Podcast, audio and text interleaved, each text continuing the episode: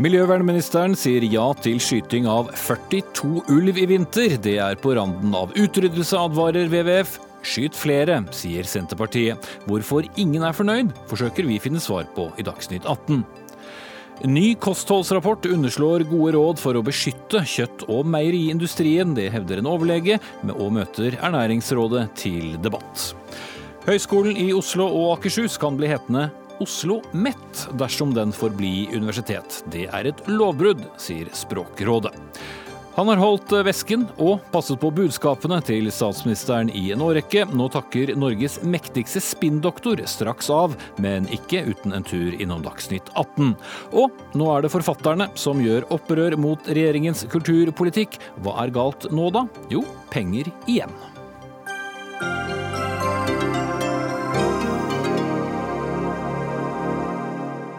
Da ønsker vi velkommen til Dagsnytt 18 1.12. Ta det som en adventsluke til økt kunnskap og viten. Vi skal også innom den tidligere nasjonale sikkerhetsrådgiveren Michael Flynn i USA, som i dag har innrømmet at han har løyet om sin Russland-kontakt. Jeg heter Espen Aas.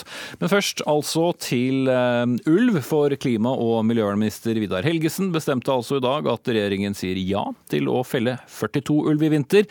I vedtaket åpner han for fellinger av to ulveflokker på til sammen 16 dyr, som i hovedsak ligger utenfor ulvesonen. Men departementet sier nei til felling av den omstridte Slettåsflokken i Trysil kommune. Og Lars Andreas Lunde, statssekretær i Klima- og miljøverndepartementet, vi får rydde opp litt for lytterne her. Eh, forklar oss veldig kort hva dere egentlig har bestemt i dag. For det er, det er mange flokker og, og, mange områder, så de som ikke følger debatten helt kan uh, få en liten oppklaring. Ja. Ja, Det vi har fattet vedtak i dag, det er såkalt lisensjakt på ulv. Som altså en jakt vi bruker for å regulere ulvebestanden i, i Norge. Eh, lisensjakten kan deles i to. Vi har én jakt som begynner 1.10, og som varer ut mars måned. De er for uh, ulver som ikke lever i revir, altså ulv på vandring utenfor den såkalte ulvesonen. Uh, så begynner da lisensjakten innenfor den ulvesonen, eller ulv som lever i såkalte etablerte revir. Den begynner 1.1, og i dag har vi da fattet vedtak om hvor mange ulv man kan skyte ute i denne lisensfellingsperioden. Det er jo rovviltnemndene, som altså stort sett består av fylkespolitikerne, som, som første, første, runde vedtar hvor mange ulv som kan skytes innenfor sin region. Men så blir jo da gjerne disse vedtakene klaget inn til oss, og det har jo skjedd en gang også, både fra miljøorganisasjonene og fra næringsorganisasjonene i og for seg, som, som vanlig. Eh, og i år så, så har da eh, disse regionale rovviltnemndene, altså fylkespolitikerne i Hedmark, Akershus, Oslo og Østfold, fattet et vedtak om at man skal kunne skyte tre av disse flokkene. En av disse flokkene, den såkalte Slettåsflokken lever i sin helhet innenfor den norske ulvesonen. Dvs. den er også så vidt over på svensk grense. De to andre er flokker som lever utenfor uh, ulvesonen, men som er i etablerte revir, og derfor også man først da starter jakten 1.1. Grunnen til at vi har kortere jaktperiode på disse, er at disse ulv som lever innenfor sonen eller i etablerte revir, det er gjerne da ulv med valper, og av hensyn til valpenes overlevelse så må man ha en kortere jaktperiode på dem, slik at man ikke da skyter ut foreldrene mens ungen ikke er i stand til å klare seg selv. Ja, og bare for å oppsummere, før vi skal slippe til ordet for andre her også. Dere skyter altså to ulveflokker som utgjør 16 dyr. Og geografisk og i forhold til befolkningen, hvor befinner de seg? Det er de to flokkene såkalt Julesøreviret og Osdalflokken. Eh, Osdalen er i Rendalen kommune. Det er rett i nordenden av, av ulvesonen, som er i hovedsakelig består av Hedmark og Akershus øst for Glomma og Oslo og Akershus. Den andre flokken er såkalt Julesøflokken, som lever i Åmot kommune, nærheten av Rena. Som, det er altså en flokk i nærheten av Koppan, kan du si, og en flokk i nærheten av Rena, begge deler i Østerdalen. Mm. Og da er det 26 eh, ulv igjen, og de er da hvor? Så har vi også fattet tidligere, eh, i september, så fattet vi også vedtak om den jakten som altså utenfor ulvesonen eller etablerte revir, som startet nå 1.10. Og det er stort sett i resten av landet. Eh, fra Trøndelag i nord og til og med Sørlandet litt forskjellig. Noe er da Hedmark øst for, for Glomma, Akershus øst for Glomma, men også noe i Oppland og, og Trøndelag og, og Jagder. Mm. Og så var du inne på det selv, det er en tredje flokk, Slettåsflokken. Hvorfor vil dere da ikke åpne for jakt på den? Eh, vi skiller her mellom flokker som lever innenfor og utenfor den såkalte ulvesonen. For Stortinget har vedtatt at i den såkalte ulvesonen, der skal ulven ha prioritet. Der skal det være en høy terskel for å ta ut ulv. Der må andre som bor der tilpasse seg at det lever ulv i dette området. Mens utenfor eh, denne ulvesonen så skal det i begrenset grad være ulv. Det skal ikke være etablerte eh, ulv der. Og der, må, der skal andre hensyn enn ulven gå foran. Og for, Det skal være tydelig skille her, slik at vi har da sagt ja til å ta ut ulv der hvor det Stortinget har sagt at det i begrenset grad skal være ulv, og så skal vi sagt nei til å ta ut ulv der hvor Stortinget har sagt at det skal være ulv. Her er det litt av en uh, balansegang. Eh, Ingrid Lomelde, miljøpolitisk leder i WWF, eller Verdens naturfond. Dere fikk stoppet jakten på tolv ulv utenfor ulvesonen etter et vedtak i Oslo tingrett. Hvorfor var det viktig? Det var viktig fordi at eh, jakten hadde startet, eh, og vi hadde bestemt oss for å saksøke staten fordi vi mener at måten ulveforvaltningen praktiseres på i dag, er i strid med både naturmangfoldloven og Bernkonvensjonen. Uh, og det er jo noe av det som uh, Lars Andreas Lunde er inne på allerede, er jo at vi har en todelt uh, målsetning for ulvepolitikken i Norge. Mens det vi opplever nå, er jo at bestandsmålene som Stortinget har fattet, fattet, brukes for å regulere ulven ned, sånn at den holdes på et permanent kritisk truet nivå. Og det er altså helt i strid med det naturmangfoldloven fastsetter som krav. Mm. Nå sier departementet at de har kommet med en god nok faglig begrunnelse. Hva gjør dere nå da? Altså, de har kommet med en lengre begrunnelse, men det er jo ikke noe nytt i den begrunnelsen. Det er ikke noe nytt eh, naturvitenskapelig grunnlag eh, som ligger til grunn eh, nå enn det som eh, departementet hadde i forrige uke. Eh, så vi må bare sette oss ned sammen med advokatene våre og, og se på innholdet i begrunnelsen og vurdere hvordan vi eventuelt tar det videre. For det er ikke gitt at dere sier OK? Ja, vi er i hvert fall ikke overbevist eh, om at denne begrunnelsen er noe bedre enn den de hadde i forrige uke. Mm. Sandra Borch, eh, stadig eh, stortingsrepresentant for Senterpartiet. Du mener at eh, Miljøverndepartementet og statsråden heller ikke denne gang følger opp Stortingets ulveforlik fra fjor? Nei, og det mener jeg kommer tydelig fram her. fordi vi har, eh, Stortinget har vedtatt et eh, bestandsmål på fire til seks kull. Vi er i dag langt over det bestandsmålet. Og når vi ser på den situasjonen som har vært i Trysil rundt den ulveflokken hvor ulvene er nærgående, eh, så er det også hensyn man skal ivareta som gjør at grunnlaget for å felle den ulveflokken er til stede. Og, og det mener jeg at departementet og statsråden er nødt til å ta inn over seg. fordi at her bryter man med rovviltforliket som var vedtatt i Stortinget. Så du er provosert av det som kommer i dag? Ja, jeg syns eh, ikke det som kommer i dag er godt nok. Og Senterpartiet kommer til å følge opp eh, denne saka videre i Stortinget. I tillegg så har jo man fra departementet og statsrådens side overkjørt rovviltnemnden, som skal ha den oppgaven å vurdere eh, hvor man skal ta ut ulveflokker. Lars Andreas Runde, du tilfredsstiller ingen av sidene her? Nei, det er ikke, det ikke uventet. Jeg var i diskusjon med SV på konkurrentkanalen deres tidligere i dag, og de hadde også veldig motsatte. Men, men, sånn er det. Det er kanskje tydelig at vi her har funnet en linje mellom begge ytterpunkter.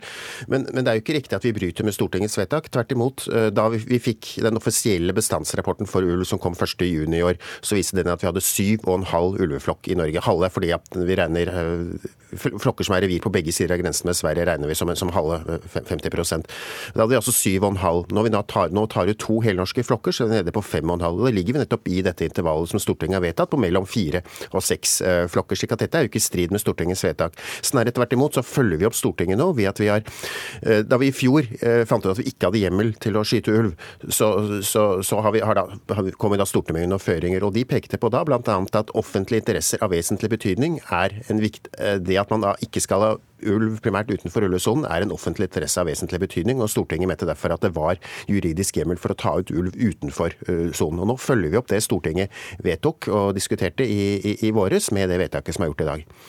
Dere leser dette helt uh, forskjellig, Borch? Ja, eh, jeg mener helt klart at man bryter med eh, deler av rovviltforliket som er vedtatt i Stortinget.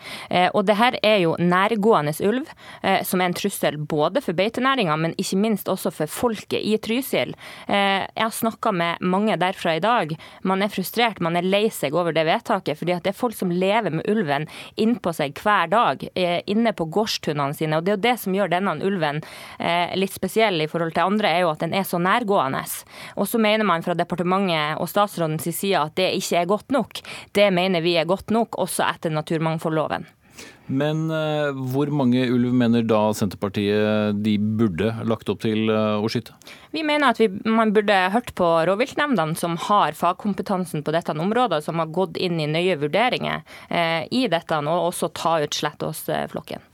Innom WWF før vi går tilbake til departementet. Hvordan leser du det Stortinget sier, det regjeringen gjør og deres vurdering av situasjonen? Ja, altså Det jeg tenker er litt viktig å trekke frem her, er jo at det bestandsmålet som Stortinget har vedtatt, ikke kan fungere som en sånn øvre grense for hvor mange ulver det skal være lov å ha i Norge. For det, Hvis vi bruker det på den måten, så gjør det at vi holder ulven permanent nede på randen av utryddelse, sånn som det er definert etter den norske rødlisten. Tvert imot så er det veldig mange jurister som mener at det bestandsmålet må være en nedre grense for hvor få ulv vi kan ha. Eh, og det er jo sånn at Stortinget er nødt til å vedta eh, politikk som stemmer overens med det lovverket vi har. Og lovverket sier at vi har et ansvar for å heve ulven fra kritisk truet til levedyktig. Og Senest i april i år så hadde Stortinget en anledning til å endre naturmangfoldloven hvis de ønsket det. Det gjorde de ikke. De fastslo at naturmangfoldloven skal ligge fast, og nettopp fordi at vi skal oppfylle de målene vi har om å ha en levedyktig bestand av ulv i Norge. Men hva sier du til de som Senterpartiet har snakket med om den nærgående ulven, da? Og Vi forstår jo veldig godt at det er vanskelig eh, å leve med ulv eh, i nærområdet. Eh, også fordi at vi ikke har hatt så mange ulver i Norge på veldig mange år. Eh, men det forskningen viser, er jo at disse ulvene ikke er nærgående på mennesker eh, i utgangspunktet. De følger ofte etter elgen, som nærmer seg bebyggelse, eller de nærmer seg bebyggelse fordi det er områder med eh, mat som ulven er interessert i. Så her er det jo mange alternative tiltak man kan iverksette for å håndtere den situasjonen bedre. Men Lars Andreas Lunde, har dere hørt litt på fagpersoner og tenkt litt politikk og hørt litt på WWF, eller hvordan har dere kommet frem til eh, disse 42? Vi har basert vårt, vår, vårt beslutning på faglige råd. Vi har fått en faglig anbefaling fra Miljødirektoratet eh, forut for denne beslutningen, som sa at vi kunne ta ut to flokker og, og, likevel, eh, og likevel, sikre at bestanden overlevde også, også, i Norge. Så det er klart at Når vi behandler vedtaket fra nemndene, så, så, må det være, er det en reell klagebehandling. Det betyr at vi ikke bare slavisk skal kunne si OK til nemndene, men at vi må da foreta en selvstendig vurdering av deres, vedtak. for at det skal være en reell klageadgang. Så skjønner jeg at folk i Slettås i Trysil er frustrerte og selvfølgelig ikke syns det er like hyggelig å ha ulv rundt husveggene, som har blitt sagt. Men det at folk er redde for ulv eller ikke syns det er ubehagelig å ha ulv inne på seg, det gir ikke et juridisk grunnlag for å kunne felle ulv. Det skal mer til enn det for å felle ulv. Og, og, og det er jo ikke slik at denne, denne ulven har jo ikke påført uh, noe, noe, skade verken på, for folk eller, eller, eller beitedyr i, i, disse områdene. Slik at her er, her er det ikke juridisk hjemmel for å kunne skyte den ulven. Derfor kunne vi ikke fattet vedtak om å ta ut denne ulven, eller denne ulveflokken. For Vi har vel ikke hatt så mange angrep eh, av ulv eh, som departementet her sier, eh, Sandra Borch fra Senterpartiet? Det er en grunn eh, til at eh, antall vinterfòra sau i Trysil er gått ned fra 2000 til nå eh, nesten, nei, under 500 sau. Altså Det er jo det som er konsekvensene av den eh, politikken som statsråden og departementet her fører. er jo at Folk har, har ikke grunnlag for å kunne drive med sau fordi at man, eh, man, den blir tatt av ulv. Men du har jo ikke spist 1500 sau? Nei, men det er, grunnlaget er jo at folk orker ikke å holde på fordi at man har problematikken rundt rovdyrene der. Og så må jeg også få si til WWF ulven er ikke kritisk utrydningstrua i dag. Det er den ikke. Eh, det er den ikke. Og det slår jo egentlig også faktisk statsråden i dag fast når han sier at eh, man skal vurdere det under en, eh, en, en stamme også med Sverige, da. Så den er ikke kritisk utrydningstrua. Ulven, veksten i antall ulv i Norge har økt enormt de siste årene. Og hvis ikke vi klarer å få en tydelig politikk på det nå, som gjør at man kan ha beitenæring, som gjør at den ikke er en trussel for folk der, for, for andre viltarter som elg. Du ser jo elgjegere må må gi bort hundene sine, for de tør ikke bruke eh, hundene i elgjakta. Det er jo en, et konfliktnivå her som jeg mener eh, innebærer at man har vilkår for å nettopp også ta ut Slettåsflokken. Mm, men greier på akkurat det, Lunde. Du nikket eh, på hodet sammen med WWF når det gjaldt det med det utrydningstruede her. Ja, det er riktig at globalt sett så er ikke ulven en kritisk utryddet art. Men i Norge så er den for vi har en veldig liten ulvebestand. og Det er derfor at ulven er jo også da totalfredet i Norge. Men vi åpner altså for å kunne kontrollere bestanden gjennom en såkalt lisens lisensjakt. Og Norge har et internasjonalt ansvar, ikke for å ha en helst egen ulvestam i Norge, men for å ta vårt ansvar for en felles skandinavisk bestand sammen med Sverige. Der har Norge et, delansvar, selv om vi da må se på å vurdere bestanden i en, i en skandinavisk, eh, skandinavisk, sammenheng, når vi bestemmer hvor mye ulv vi skal ha i Norge. Vi går mot slutten her nå, men eh, hva gjør WWF videre nå? Nå setter vi oss ned og leser uh, grundig gjennom det uh, departementet har uh, vedtatt i dag. Og så må vi vurdere hvordan det påvirker det søksmålet som vi har anlagt mot staten. Og Hva med dere i Senterpartiet, Sandra Borch? Nei, Vi kommer til å fremme dette i, i Stortinget, også Slettås-flokken, i løpet av kort tid nå. For vi mener at dette er i konflikt med rovviltforliket som er vedtatt av et bredt flertall i Stortinget. Ser ut som du får litt mer å gjøre i departementet også, Lars Anders Runde. Det blir nok det i år også, ja. Takk skal dere ha.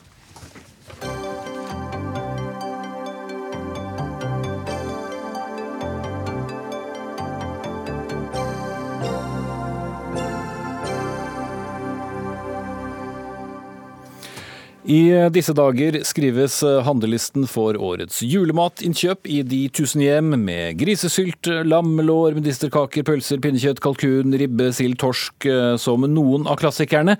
Men kjøtt er som kjent mer og mer omstridt. Og Denne uka la Nasjonalt råd for ernæring, Ernæringsrådet, frem rapporten Bærekraftig kostholdvurdering av de norske kostrådene i et bærekraftig perspektiv. Så det. Og I rapporten eh, underslår Ernæringsrådet gode, sunne kostholdsråd for å beskytte norsk kjøtt- og meieriindustri. Det mener du, Tanja Kalsjenko, overlege ved Oslo universitetssykehus, og også leder av det som heter Helsepersonell for plantebasert kosthold. Du må forklare påstanden din. Mm, ja, eh, jeg mener det er eh, alvorlig og det er kritikkverdig at statens eh, rapport underslår fakta som er viktige og relevante og unnlater å opplyse om at det finnes gode muligheter både for kostholdsendringer og for mer bærekraftig matproduksjon i Norge. Rapporten kunne f.eks. opplyse om at nordmenn kan helt fint halvere sitt inntak av både kjøtt og meieriprodukter og erstatte disse med sunn plantekost. Og det er fullt mulig å dyrke og mangedoble dyrkning av eh, sunn norsk, sunn norsk plantekost. Og så Hvis nordmenn også halverer inntak av kjøtt og meieriprodukter og spiser mer plantekost, så blir et slikt kosthold ikke bare næringsrikt nok, og ikke bare vil gi nok næringsstoffer, men et slikt kosthold um, vil også være mer bærekraftig, mer miljøvennlig og mer i tråd med Statens kostholdsråd. Så jeg mener det er skuffende at eh, statens rapport underslår disse fakta. Ja, eh, men du har også sagt at eh, dette også er bevisst og har noe med kjøtt- og meieriindustrien å gjøre? Ja, altså ja, som det kommer frem i rapportens side fem, så er det så at rapporten har aldri blitt sendt på en åpen høring. Isteden ble rapporten sendt til um, norske matnæringer, som kjøttindustri og meieriindustri bl.a. Og det er de mest miljøskadelige og mest ressurskrevende matnæringer i Norge. Og miljøvernorganisasjoner eller miljøetater de ble aldri bedt om å komme med sine innspill. Og det er snakk om å be bukken om å passe havresekken. Så det er trist, synes jeg.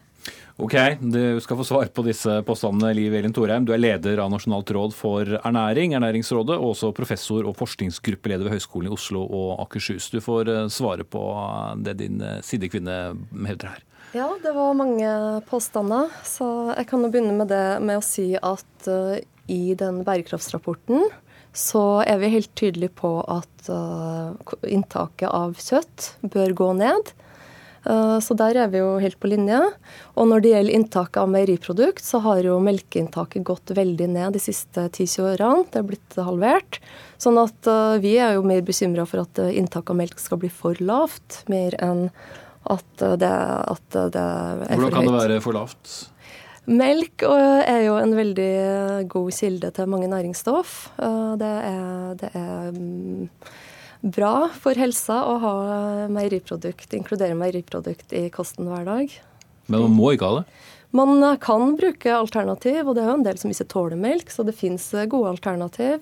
Men uh, for de fleste så er det helt fint å drikke melk. Det er ingenting skadelig ved å drikke begrensa mengder melk per dag. Men eh, hva da med å ikke eh, legge den rapporten ut til en åpen høring, så f.eks. miljøvernorganisasjoner eh, kunne slippe til, mens næringer åpenbart har fått sagt sitt? Ja, nå er sånn at det her er begynnelsen på et større arbeid, så siste ord er jo ikke sagt. Og grunnen til at vi sendte det til forskjellige næringer, det var for å få kvalitetssikra en del av de tingene vi har skrevet, ut fra deres perspektiv. Men de kom jo mange kommentarer som vi ikke tok med i rapporten. Så det er ikke sånn at vi lot oss diktere på noen måte av næringa. Men ser du at det kan skje skjevt ut, som Kasjenko påpeker her? Ja, det kan være enig i at vi kunne godt ha sendt det til en annen uavhengig organisasjon. Og det regner jeg med det må jo bli gjort i neste omgang, fordi den rapporten her den har pekt på noen områder. Og da sier vi at kjøttinntaket bør ned. Og hvor mye det bør ned, det må utredes videre i et større arbeid. Og da må det bli, hvis det skal gjøres, så må det være større åpne høringer og flere etater som må trekkes inn osv. Hvor mye lenger burde denne rapporten gått da? syns du, Kasjenko? At den burde vise at du kan leve helt uten kjøtt og meieri, ja, eller hva, hva er ditt poeng? Ja, den burde selvfølgelig opplyse om det. Altså, det er noe Helsedirektoratet bl.a. og store helseorganisasjoner har anerkjent for lenge siden, og lærebøker i ernæring, at uh, ingen animalske produkter er nødvendig i i kosten. Men jeg, jeg synes ikke at man behøver ikke gå så langt, fordi for nordmenn flest så blir det for drastisk. Men å foreslå å halvere inntak av kjøttprodukter og meieriprodukter og erstatte det med sunn, norskdyrket plantekost, det hadde vært stor fordel. Det hadde veldig mange akseptert. Og vegetartrenden øker. Og mange, stadig flere blir opptatt av både miljø, bærekraft og sin egen helse. Og eh, vegetarprodukter blir mer og mer populære. Og i Norge så finnes det heldigvis veldig gode muligheter for å mangedoble dyrkning av såkalte norske, såkalte grove grønnsaker, som ulike typer kål, gulrøtter, andre eh, rotgrønnsaker. Og av disse kan man lage sunne produkter som vegetarburgere, eh, grønnsakspølser osv. Kan gjøre, men er det samme som bærekraftig?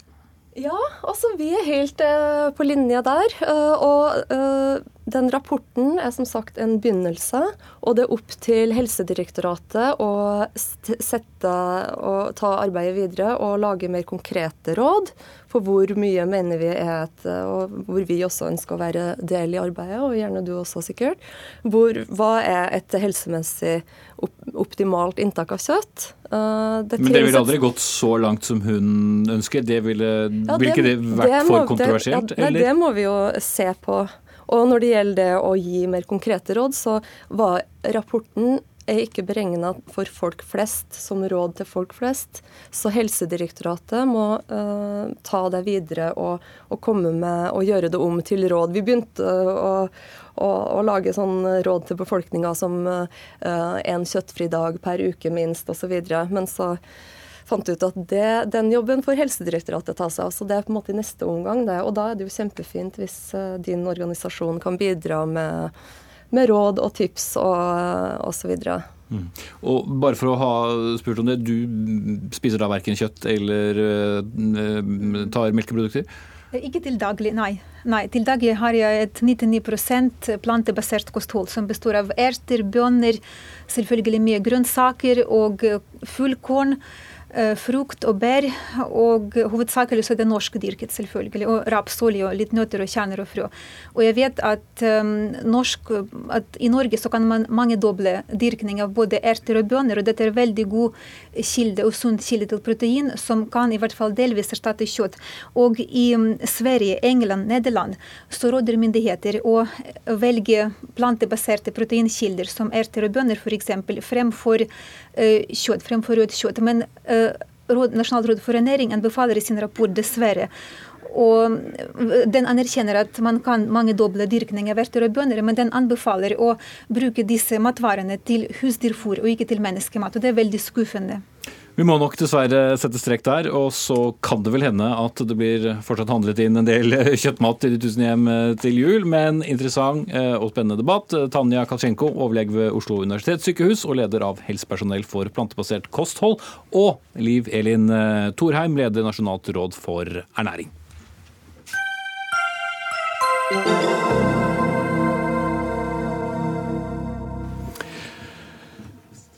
12.12. så eh, blir det bestemt om eh, Høgskolen i Oslo og Akershus skal forbli universitet. Og hvis det skjer, så kan det jo ikke hete Høgskolen i Oslo og Akershus lenger. Det må et nytt navn til.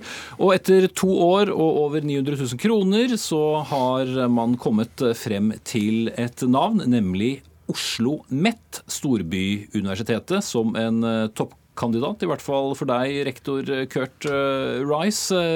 Hvorfor har du falt for dette navnet? Altså, dette er virkelig en, eh, en, historisk situasjon, for det er første gangen en by i Norge får to universiteter. Da, hvis dere får bli det. Hvis vi får bli det. Og da sier det seg selv at man må være litt kreativt med, med et nytt navn. Vi må si noe om hvor vi er og hva vi holder på med, samtidig som vi ikke skal velge et navn som lett forveksles med Universitetet i Oslo. Og Dette forslaget gjør nettopp det. Det sier hvor vi er, det sier hva vi holder på med, fordi det begrepet Metropolitan University er så etablert. Og det er jo eh, ikke til å forveksle med, med UiO. Så er det gjerne et eh, men, da. Kristin Solbjørg i Språkrådet, du er sjef for seksjonen for språk og skole i offentlig forvaltning. Eh, du ble ikke så begeistret for eh, dette selvforklarende navnet? Nei.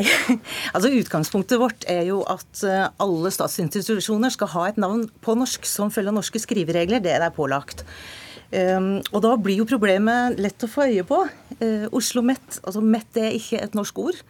Og Oslo OsloMet, skrivemåten her med en stor M midt inni ordet, det er åpenbart i strid med norske eh, skriveregler. Det er en, altså denne slags pukkelformasjonen med en stor bokstav midt inni mange små er en motesak. Det er en trendy markeds, markedsføring for tida, og det er ikke noe som et universitet bør kaste på.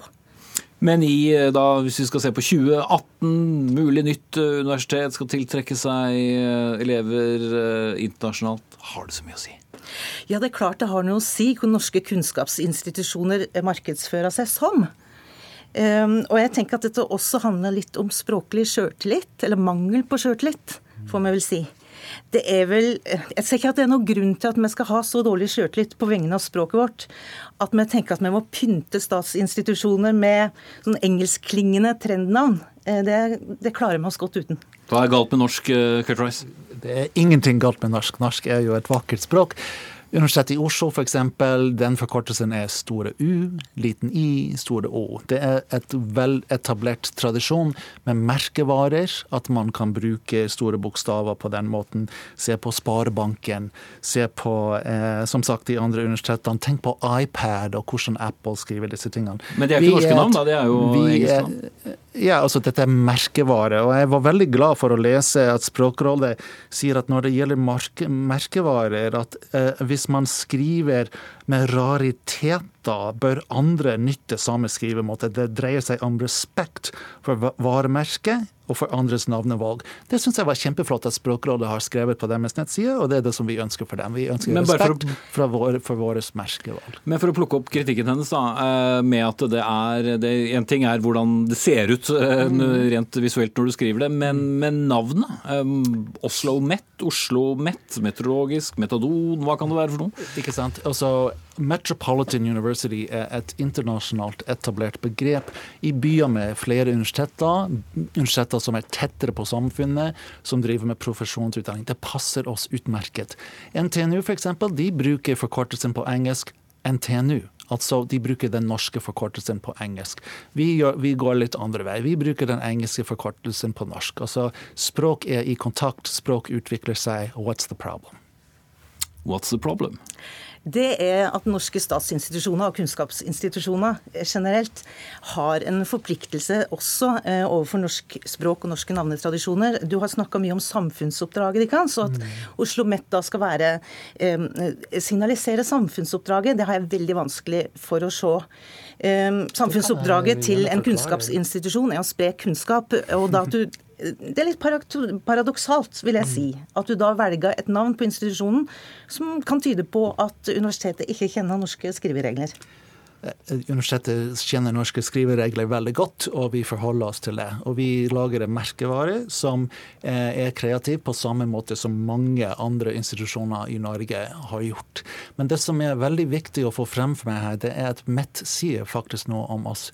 Og det skal hjelpe, hjelpe andre til å forstå. Metropolitan universiteter er universiteter som er, driver med profesjonsutdanninger, som er litt tettere på samfunnet, som har litt eldre, eh, litt høyere gjennomsnittsalder på studentene og sånt. Så det sier veldig, veldig masse for de som kjenner til de internasjonale vaner når det gjelder navnevalg på universiteter. Solberg kunne det ikke vært argumentert med at eh, Oslo Met kanskje kunne strengt tatt sagt mer enn hva NTNU forteller deg? Jeg tenker at Oslo Met, eh, altså Selvfølgelig har universitetet også et engelsk navn. Eh, og når du sier at Metropolitan University fungerer godt på engelsk, ja det gjør det sikkert. Og det er ikke det vi diskuterer her. Det vi diskuterer er den norske versjonen av navnet. Og i Norge har MET ingen sånn gjenklang av eh, profesjonsuniversitet. Så på norsk bør navnet være et annet. Jeg tror ikke det er mange i Norge som vil tenke Oslo MET. Ja, da skjønner vi at dette er et profesjonsuniversitet. Det, det, er kanskje helt riktig. Fordi det er innholdet i navnet som, som skal komme etter vi får det navnet etablerte. Vi skal jobbe for å eh, fortelle samfunnet akkurat hva vi legger i det begrepet, og det er helt helt sikker på at vi kommer til å lykkes med. Sånn at om to år så er det veldig mange i Norge som skjønner veldig godt hva et metropolitan universitet er for noe. Men kunne du hatt et norsk alternativ? Vi har et norsk navn. Det heter Oslo OsloMet, Storbyuniversitetet. Det er norsk. Syns du det høres uh, norsk? Ja, Oslo Met er ikke norsk, det er jo åpenbart. Og skrivemåten er heller ikke norsk. Men det har jo vært andre alternativer på bordet her som har kunnet fungert helt fint. Eh, vi tar ikke til orde for et spesielt navn i Språkrådet, men vi ser jo at det er andre muligheter. Du nevnte jo sjøl at profesjonsuniversitet har vært uh, lufta, fordi det, det, sier noe om egenarten til universitetet. At det er et universitet som uh, er rettet mot arbeidslivet som skal utdanne folk til ulike profesjoner. Eh, lærere, sykepleiere osv. Universitetet i Aker har vært lufta. Det vil jo også da si noe om altså Aker universitet vil noe om stedet det er plassert, fordi Aker har et, navn som har lange tradisjoner i Oslo og Akershus. Så det, det, er mange muligheter. Det er vanskelig for å forstå, er at det ikke skal være mulig å ha en norsk versjon av navnet på dette universitetet. Det, altså, du er inne i veldig viktige momenter her. Saken er at alle norske universiteter driver med profesjonsutdanninger. Det vil være sært å påberope oss et, et, et, særstilling når det gjelder det. Og når det gjelder Aker, så har vi testa det. Og 20-åringer i dag de aner ikke at Aker er et geografisk område. De tenker på én ting, og det er Aker Solutions. Og det, og Aker, Oljebasert universitet. Ja, og Aker Solutions for øvrig eier rettighetene til det navnet. Så, så vi har vurdert alle disse. Vi har vært gjennom en faglig, profesjonell ganske omfattende prosess. Vi har vurdert masse forskjellige forslag opp mot de viktige kriteriene som vi satt innledningsvis, som jeg nevnte tidligere. Og, og det som er viktig, kanskje enda viktigere, er nettopp den profesjonsutdanninga som vi holder på med. Og det er heller der jeg skulle fortelle om hva det nye universitetet blir. Helt til slutt, eh, Solberg, Har dere noen sanksjonsmuligheter, eller stopper det ved å si her i Dagsnytt 18 og andre steder at eh, dette syns vi ikke fungerer så godt? Språkrådet har ikke sanksjonsmuligheter. Det vi har, er en rolle i rutinene for å lage navn i staten, der vi skal sikre at statsinstitusjoner har et navn som fungerer på norsk. Hvis noen skal sette ned foten, så blir det Kunnskapsdepartementet. Er det for sent å snu, eh, Rice? Kan du tenke på nytt? Jeg har tenkt i to år om dette her. Vi har kjørt en profesjonell prosess. Vi har landa på et veldig godt forslag. Vi setter foreløpig strek da. Kristin Solbjørg, seksjonssjef i Språkrådet, og Kurt Rice, rektor ved Høgskolen i Oslo og Akershus. Kanskje fremtidig rektor ved Oslo OsloMet.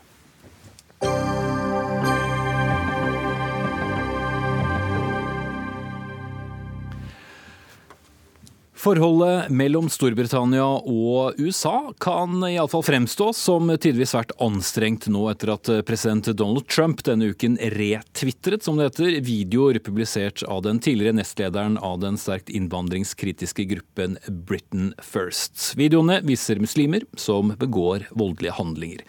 Britain First er en svært omdiskutert organisasjon i hjemlandet, og for så vidt utenfor grensen også, og reaksjonene på retvitringen til presidenten lot deretter derfor ikke vente på seg. Vi skal straks snakke om det, men aller først skal vi også innom den siste utviklingen i USA, der den tidligere nasjonale sikkerhetsrådgiveren Michael Flynn nå innrømmer at han har løyet om sin Russland-kontakt. Og Henrik Heldal, kommentator for nettsiden amerikanskpolitikk.no. Ifølge nyhetsbyrået Ap sier Flynn i sin tilståelse at folk i Trumps overgangsteam styrte hans Russlandskontakt. Hva kan det bety? Vel, Han sier jo da at de, har ba, de ba han møte med, med, russer, med, russere, og da tilsynelatende kan han snakke om uh, hva deres politikk ville vært etter at Trump tok over som president. Blant annet Eh, kan det ha vært samtaler som fikk eh, president Putin til å ikke ta eh, hevnesanksjoner mot Obama sine sanksjoner for innblandinger i valget, f.eks., som det ikke er lov å drive med og, og representere USA utenfor presidentembetet. Sannsynligvis også altså er han jo veldig skyldig, da. og og skal ha tatt imot en avtale hvor han skal betale en bot på 250 000 dollar og sitte fem år i fengsel, muligens. Så Michael Flynn, som var uh, sikkerhetsrådgiveren til Trump, var veldig høyt oppe og skal ha stått bak en del av de, uh, de mulige møtene med russerne.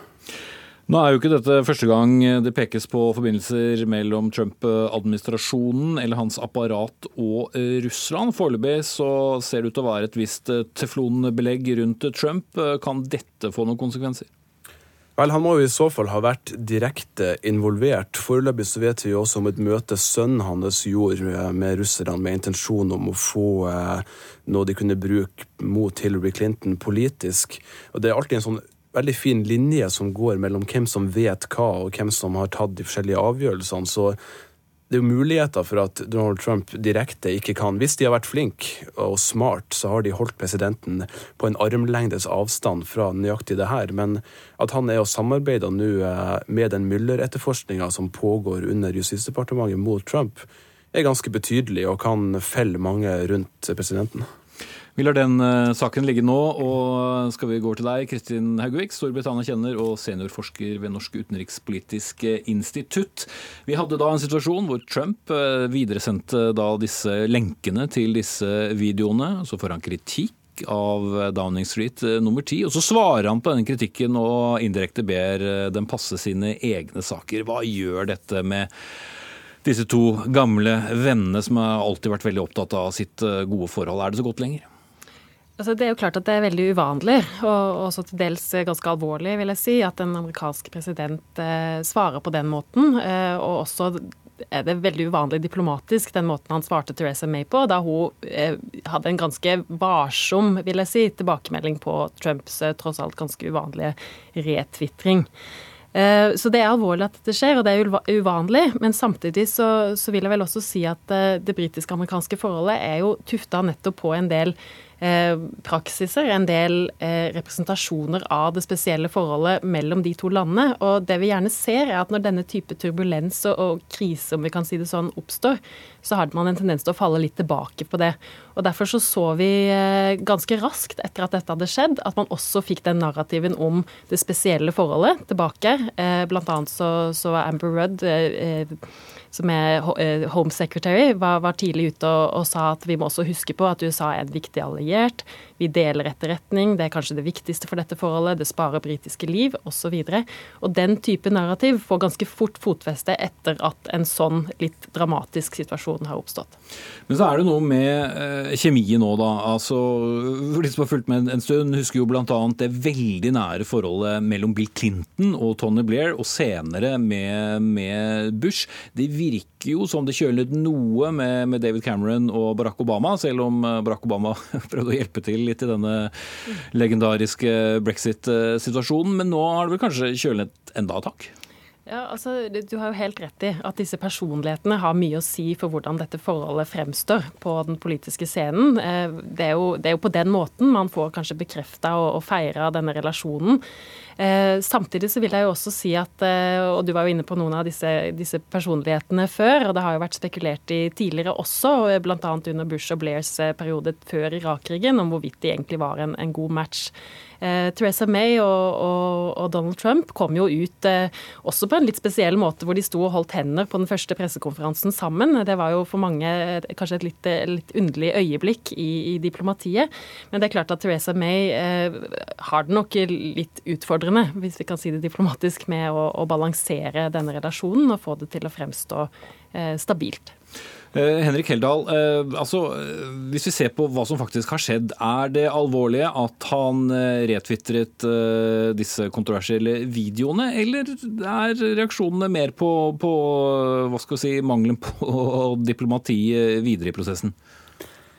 Altså, det er vel en kombinasjon av de to. Jeg føler at vi er egentlig fastlåst i USA nå i en sånn veldig kjent negativ syklus med Trump, som opererer ofte litt over eh, det vanlige mennesker kaller for vanlig sivilisert eh, oppførsel. Spesielt på Twitter, som han bruker som en slags Han spiller nesten litt sånn good cop, bad cop med seg sjøl, og er litt bad cop på Twitter, og så er han litt snill eh, når han møter statsoverhodene én mot én og én, ansikt til ansikt. Og typisk på Twitter at han er ute tidlig på morgenen, en sjokkerende twittermelding så kommer på en sinnemaskin med media og journalister som uttrykker hvor sjokkert de er og fordømmer han, og så går det ut på nyhetskanalene, og så går det i sånn 24 timer med sjokk, eh, og hvor de samme journalistene da er på TV og snakker om hvor forferdelig det er, og så er tar TV-kanalene med Sean Hannity og Rachel Maddow og de som på hver sin fløy over og trøster sine egne støttespillere på kvelden med hvor rett de har og hvor feil de andre har. Og så er man tilbake igjen neste uke med samme prosess. Man kommer aldri noen vei. Og Trump bruker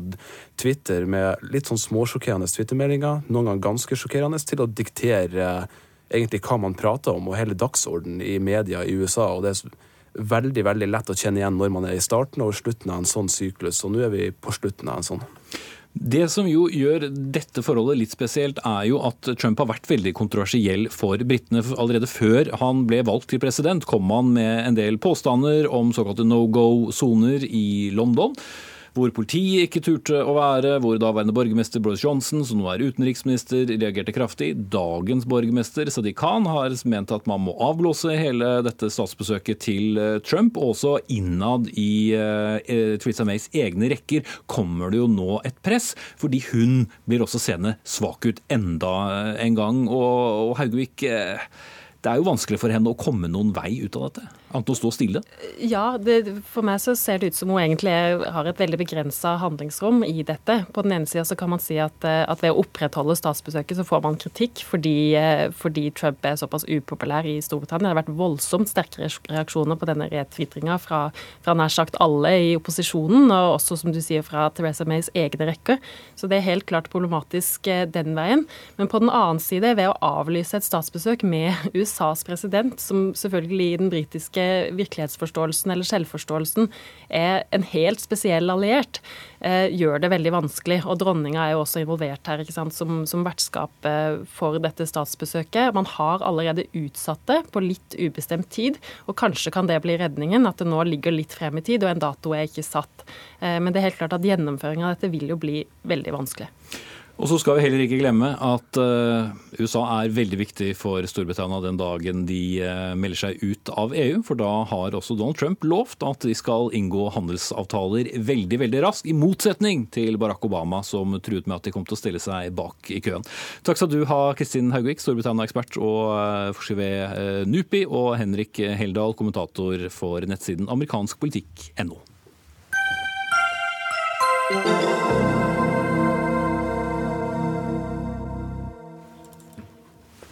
Så skal vi hjem igjen til eh, norsk eh, politikk, og vi skal til eh, en mann som har båret vesker i sju år, hvisket råd i øret, hatt langt høyere stemmeleie overfor politiske journalister, nemlig statssekretær og spinndoktor i Høyre, Sigbjørn Aanes. Du har nå sagt at nå er dette eventyret over for din del. Har du rukket å angre ennå?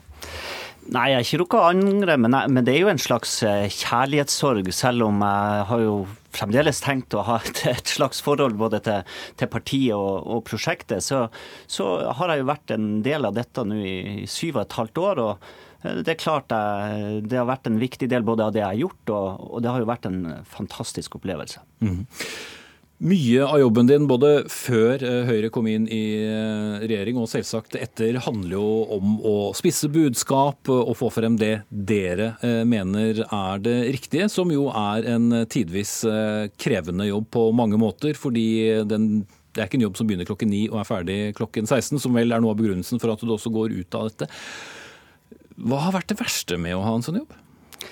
Jeg, jeg syns det er vanskelig å si at det har vært noe som er det verste. Altså det, det, det er en, en, vanskelig side med en sånn jobb, og det, det, er familien. som De som sitter hjemme. Får ofte spørsmål om det ikke er slitsomt i jobben, men, men det er klart at for, for, for, de som sitter hjemme, så er det nok av og til mer slitsomt. Eh, og ikke minst, eh, det handler ikke bare om hvor mye man er borte, men det handler om at det begynner å ringe tidlig om morgenen, det slutter seint.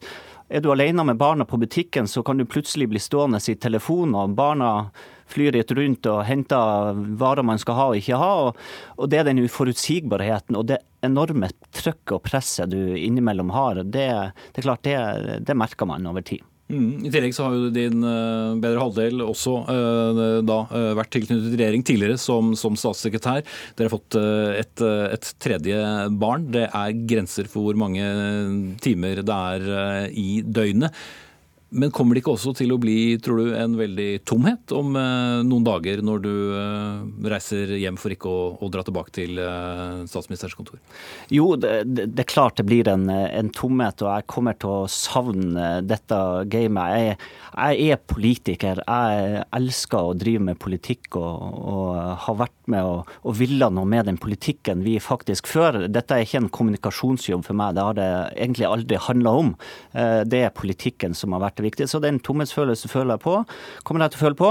Samtidig så skal jeg prøve å ha pappaperm for første gang uten å reise på jobb nesten hver dag, samtidig som man eh, kombinerer en pappaperm og gjør andre ting. Med, med han i midten så satt jeg igjen med over 30 dager til gode når jeg var ferdig, eh, selv om jeg, jeg var hjemme en god stund. Og, så denne gangen skal det bli godt å prøve å bare ha perm. Du har jo mange ganger blitt omtalt som eh, Norges eh, mektigste spinndoktor. Du har blitt brukt som modell i fiksjon, eh, bl.a. I serien Mammon. Hvor, hvor, mye makt har du egentlig hatt? Jeg syns alltid det er vanskelig å definere, for avgjørelsene er det jo til syvende og sist andre som tar.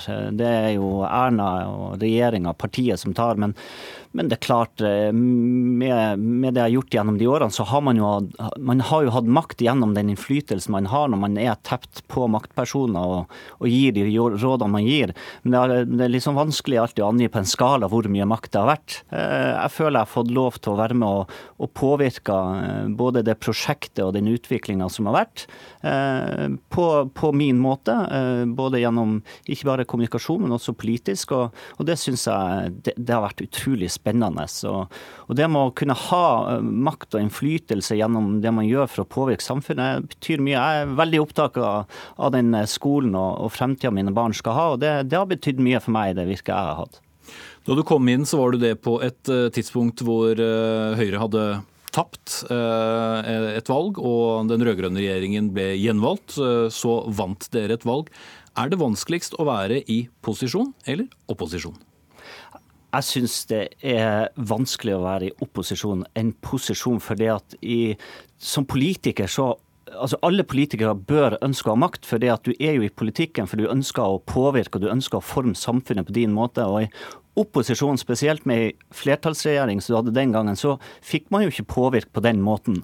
Eh, så Sånn sett er det enklere i posisjon. Men, men eh, som man jo ser eh, nå om dagen også, i opposisjon så, så kan du gjøre mye som å ha både utspill og andre forslag som nok ikke du alltid vil kunne fått gjennomført i, i posisjon. Så Sånn sett så, så, har du ikke det ansvaret i opposisjon, men, men, men, hvis du er ordentlig politiker, så vil du ha innflytelse, og da er posisjon eh, det beste.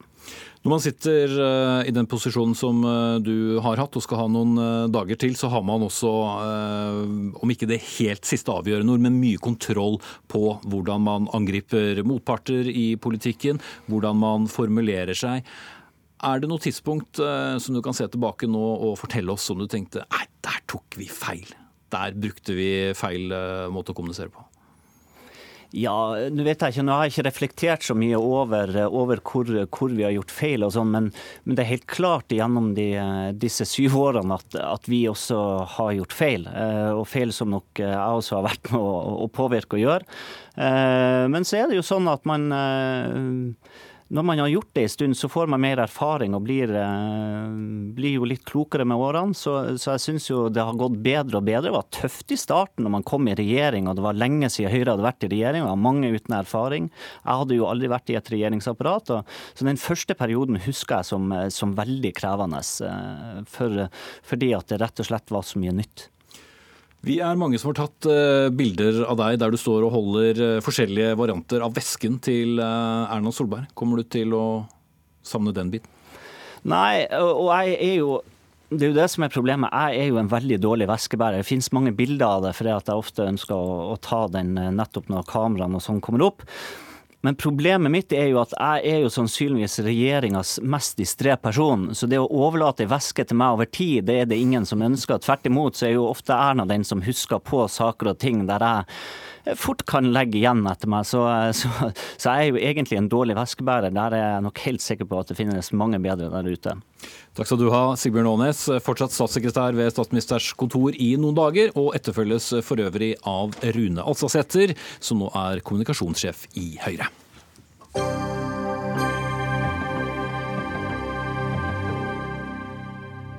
Nok en gang får eh, kulturminister Linda Hofstad Helleland kritikk av norske kunstnere, for nå er også forfatterne bekymret over hvordan den nye kunststipendordningen kan svekke kvaliteten på norsk litteratur. I en kronikk på nrk.no skriver flere forfattere at de frykter for konsekvensene av at regjeringen vil slå sammen komiteene som deler ut kunststipend, og frata forfatterne muligheten til selv å velge hvem som skal sitte i disse komiteene. Tidligere har også flere andre kunstnerorganisasjoner protestert på denne nye stipendordningen i kulturlivet, som altså innebærer at organisasjonene selv ikke skal få fordele millionene som staten har satt av til kunstnerstipender. Og leder i Forfatterforeningen Heidi Marie Kristnik, hva er galt med at eh, ordningen forandres, eller hvorfor var denne ordningen best? Denne ordningen er best fordi den representerer den bredden av forfattere som uh, finnes. Fordi forfattere de er ikke like. Og selv de som er organisert, er svært ulike. Og det er jo nettopp det vår stipendkomité må må ha legitimitet ut. Uh, og da må den ta hensyn til sjanger, den tar hensyn til uh, kjønn, bosted, alder og de tingene. Og det er jo sånn at du kunne aldri lagt fram forslag som valgkomiteen vår har kommet med på et årsmøte, hvis ikke den opplevdes representativ for de forfatterne som sitter der. Og det er forfatterne som kjenner forfatternes felt best. Men noen vil jo si at dere sier la oss få disse pengene, og så fordeler vi dem etter, etter beste ikke, ikke, bland dere så godt inn i, ikke dere inn i hvordan, hvordan vi synes at uh, vi skal være. Ikke bland dere ehm, Ja, jeg tenker jo at eh, det er jo interessant. Eh, vi støtter jo veldig kulturministeren i at det må være transparens, og at det må være en faglighet. Og ehm, at, det skal være armlengdes avstand. Men jeg kan ikke skjønne hvordan eh, et departementsoppnevnt utvalg på fem personer skal kunne liksom opprettholde det. Det er jo transparens i dag, og vi vil jo gjerne komme i møte og gjøre endringer hvis det skulle være sånn. Men det er viktig å si at 83% av kunstnerne i dag, viser en rapport fra 2014, har tillit til dagens eh, stipendsystem. La oss eh, bringe deg, eh, Tone Trøen, stortingspolitiker for Høyre og leder av familie- og kulturkomiteen, og da for anledningens eh, utsendte for, til å representere departementet. Dere vil altså endre hvordan medlemmene til stipendkomiteene velges. Hva mener dere er galt da med den ordningen som kvinnen på din venstre side syns er bra? Eh, det er jo i utgangspunktet ikke vi eller kulturministeren som har tatt til orde for å endre dette. Det er jo utvalget for Statens kunstnerstipend selv eh, som har tatt til orde for det. De har levert en utredning i 2016 hvor de veldig tydelig peker på at det kan være grunn til å gjøre endringer. Og det er jo ikke den første utredningen eller gangen dette nevnes. Det har vært nevnt eh, helt siden 2003 var første gangen man nevnte det. Og Grunnen til det er jo at det er viktig å ha legitimitet og tillit til disse ordningene. Og så er det ingenting som tyder på at ikke man kan ha det i dag. Men utvalget er veldig tydelig i sin rapport, som jeg har her, og som jeg syns det er litt rart at Forfatterforeningen eh, egentlig fremstiller på en litt feil måte. fordi at du sier at det er fem stykker som skal sitte og bestemme. Det er det jo ikke. Det er jo 23 eller 24 komiteer som skal oppnevnes. Eh, alle organisasjonene Eh, vil nå innstille på medlemmer til disse komiteene. Det ligger jo fast. Det er jo ikke disse fem som sitter. Dette vil jo fortsatt være komiteer, og det vil fortsatt sitte kunstnere. Og det skal fortsatt tas vurderinger på kunstfaglig bakgrunn. Jeg syns, og jeg er ganske overrasket egentlig over, at eh, deler av eh, kunstnernettverket reagerer så kraftig på dette.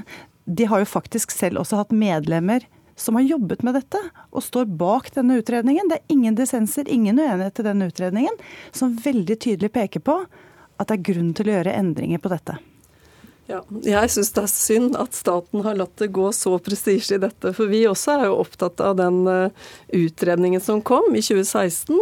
Og det som er veldig interessant da, er at fordi eh, nå har det gått ut et brev fra Kulturdepartementet at det står at endringen skal skje i dialog med kunstnerne. I 2016 leverte Forfatterforeningen og Kunstnernettverket, som Forfatterforeningen er en del av, inn forslag, selv om vi er fornøyd med dagens ordning. 83% støtter den. Vi leverte inn forslag til utredningen, men vi har ikke fått noe svar. Det har ikke blitt prøvd ut. Ingenting av det er prøvd ut. Så da lurer jeg på hvor er den dialogen? Det syns jeg er påfallende. Men ingen protester underveis heller, som, uh, som blir påpekt her fra, påpekt her fra Trøen? Protester fra kunstnerne, jo. Ja, men i, i utvalget? I utvalget der sitter det fem departementsoppnevnte. Og det interessante er jo at de som har lagd den utredningen, er jo nettopp de som nå skal sitte og lage en framdriftsplan. Hvordan dette skal foregå. Så det er jo veldig påfallende, syns jeg. Og så er det jo i dag en totrinns uh... Før vi tar totrinnsraketter ja, og alt ja, ja. som tar kjempelang tid, så skal vi slippe til deg, Tone Trø. Jeg syns det er viktig å skille litt her. fordi at det eh, kulturministeren har sagt at hun nå vil følge opp, som er den tydelige anbefalingen fra, fra utvalget, er eh, endringen i oppnevning av eh, komitémedlemmer. Og den endringen som regjeringen og kulturministeren foreslår, er helt i tråd med det utvalget anbefaler. Eh, hvor også eh, organisasjonene har vært med og kunnet la seg høre. Eh, det som, det som, nevnes når det gjelder strukturene på komiteene, om det skal bli færre komiteer, om noen skal bli borte, honorering og slike ting, som, som det også vurderes veldig bredt i dette, denne utredningen, det er jo spørsmål som Eh, som man ikke har konkludert på, og hvor eh, utvalget har sagt at de må jobbe videre. Og hvor selvfølgelig kunstnerorganisasjonene skal være, eh, bli hørt og være en del av den prosessen. Så jeg syns man må skille litt her. Men, men, når det gjelder dette med å oppnevne til komiteene, så er det, det er 300 millioner vi deler ut over statsbudsjettet til kunstnerne. Det er veldig omsøkte um, ordninger. Det er bare én av ti som får, uh, får stipend. Da er det utrolig viktig at vi har tillit til de ordningene. Og jeg skulle ønske at 100% hadde tillit til det, og ikke bare 83 da, som du sier. Men men Krisnik, rent praktisk, altså hvordan vil det endre livet for eh, da deres medlemmer, og kanskje også de som ikke er medlemmer? Ja, Vi kan ta både oppnevningsretten, som betyr at øh, nå blir overført til å være en rett til å innstille. Og så sier kulturministeren har flere anledninger sagt at det kommer ikke til å bety noe særlig. Og en kan tenke seg at Ok, Når komiteene innstiller eh, Disse skal sitte i stipendkomiteen, så tar kanskje utvalget for Statens eh, kunstnerstipend hensyn til det. Men en kan jo også tenke seg at plutselig gjør det ikke det. Og det er jo viktig å huske på at kulturministeren delte et innlegg på Facebook som hadde overskrift 'Kunstnerne ut av stipendkomiteene'. Den debatten har vi tatt tidligere ja, denne uken, så vi trenger Nei. ikke å ta den. Men handler det til sjuende og sist om at dere føler at dere mister makt, eller? Nei, vi mister faglighet. Vi er redd for det. fordi det som også jeg ikke har fått nevnt, og som Trøen nevner, er sammenslåingen av komiteene. Det gikk ut et brev nå hvor det står at det skal slås sammen uh, stipendkomiteer. Og det betyr at uh, Forfatterforeningens stipendkomité leser 300 romaner årlig, 40 diktsamlinger og nå, hvis det skal slås sammen I året, hvordan rekker de det? Ja, hvordan rekker de det? Det er nesten ingen som rekker å skrive sjøl. De avstår fra det. Og det er en sånn stor solidaritet at dette er et så viktig arbeid, og det er faglig gjort. Men hvis vi også skal lese barne- og ungdomslitteratur, så betyr det at man må dele opp komiteen, sånn at noen leser det feltet, og noen, og noen leser, leser det andre. Veldig kort til slutt nå, Tone, for nå tikker eh, klokken her. Vil man kunne ha den samme faglige tyngden? tyngden? Ja, selvfølgelig. Og kulturministeren har jo vært helt tydelig på at det er kunstnere som skal sitte i disse komiteene. Og jeg må si at jeg er ganske sjokkert over at, at enkelte hevder i mediene uh, at, at kulturministeren mener at hvem som helst skal sitte i disse komiteene. Det er det jo Absolutt ikke. Eh, det er jo selvfølgelig kunstnere som skal sitte der, med kunstfaglig bakgrunn. Men nettopp fordi man må Jeg må legge inn et eh, bokmerke rett og slett her, for nå er det 15 sekunder igjen. Og rekker kun å si at ansvarlig for sendingen var Dag Dørum, teknisk ansvarlig Finn Lie. Her i studio satt eh, Espen Aas. Det kan hende vi kommer innom lignende diskusjoner senere.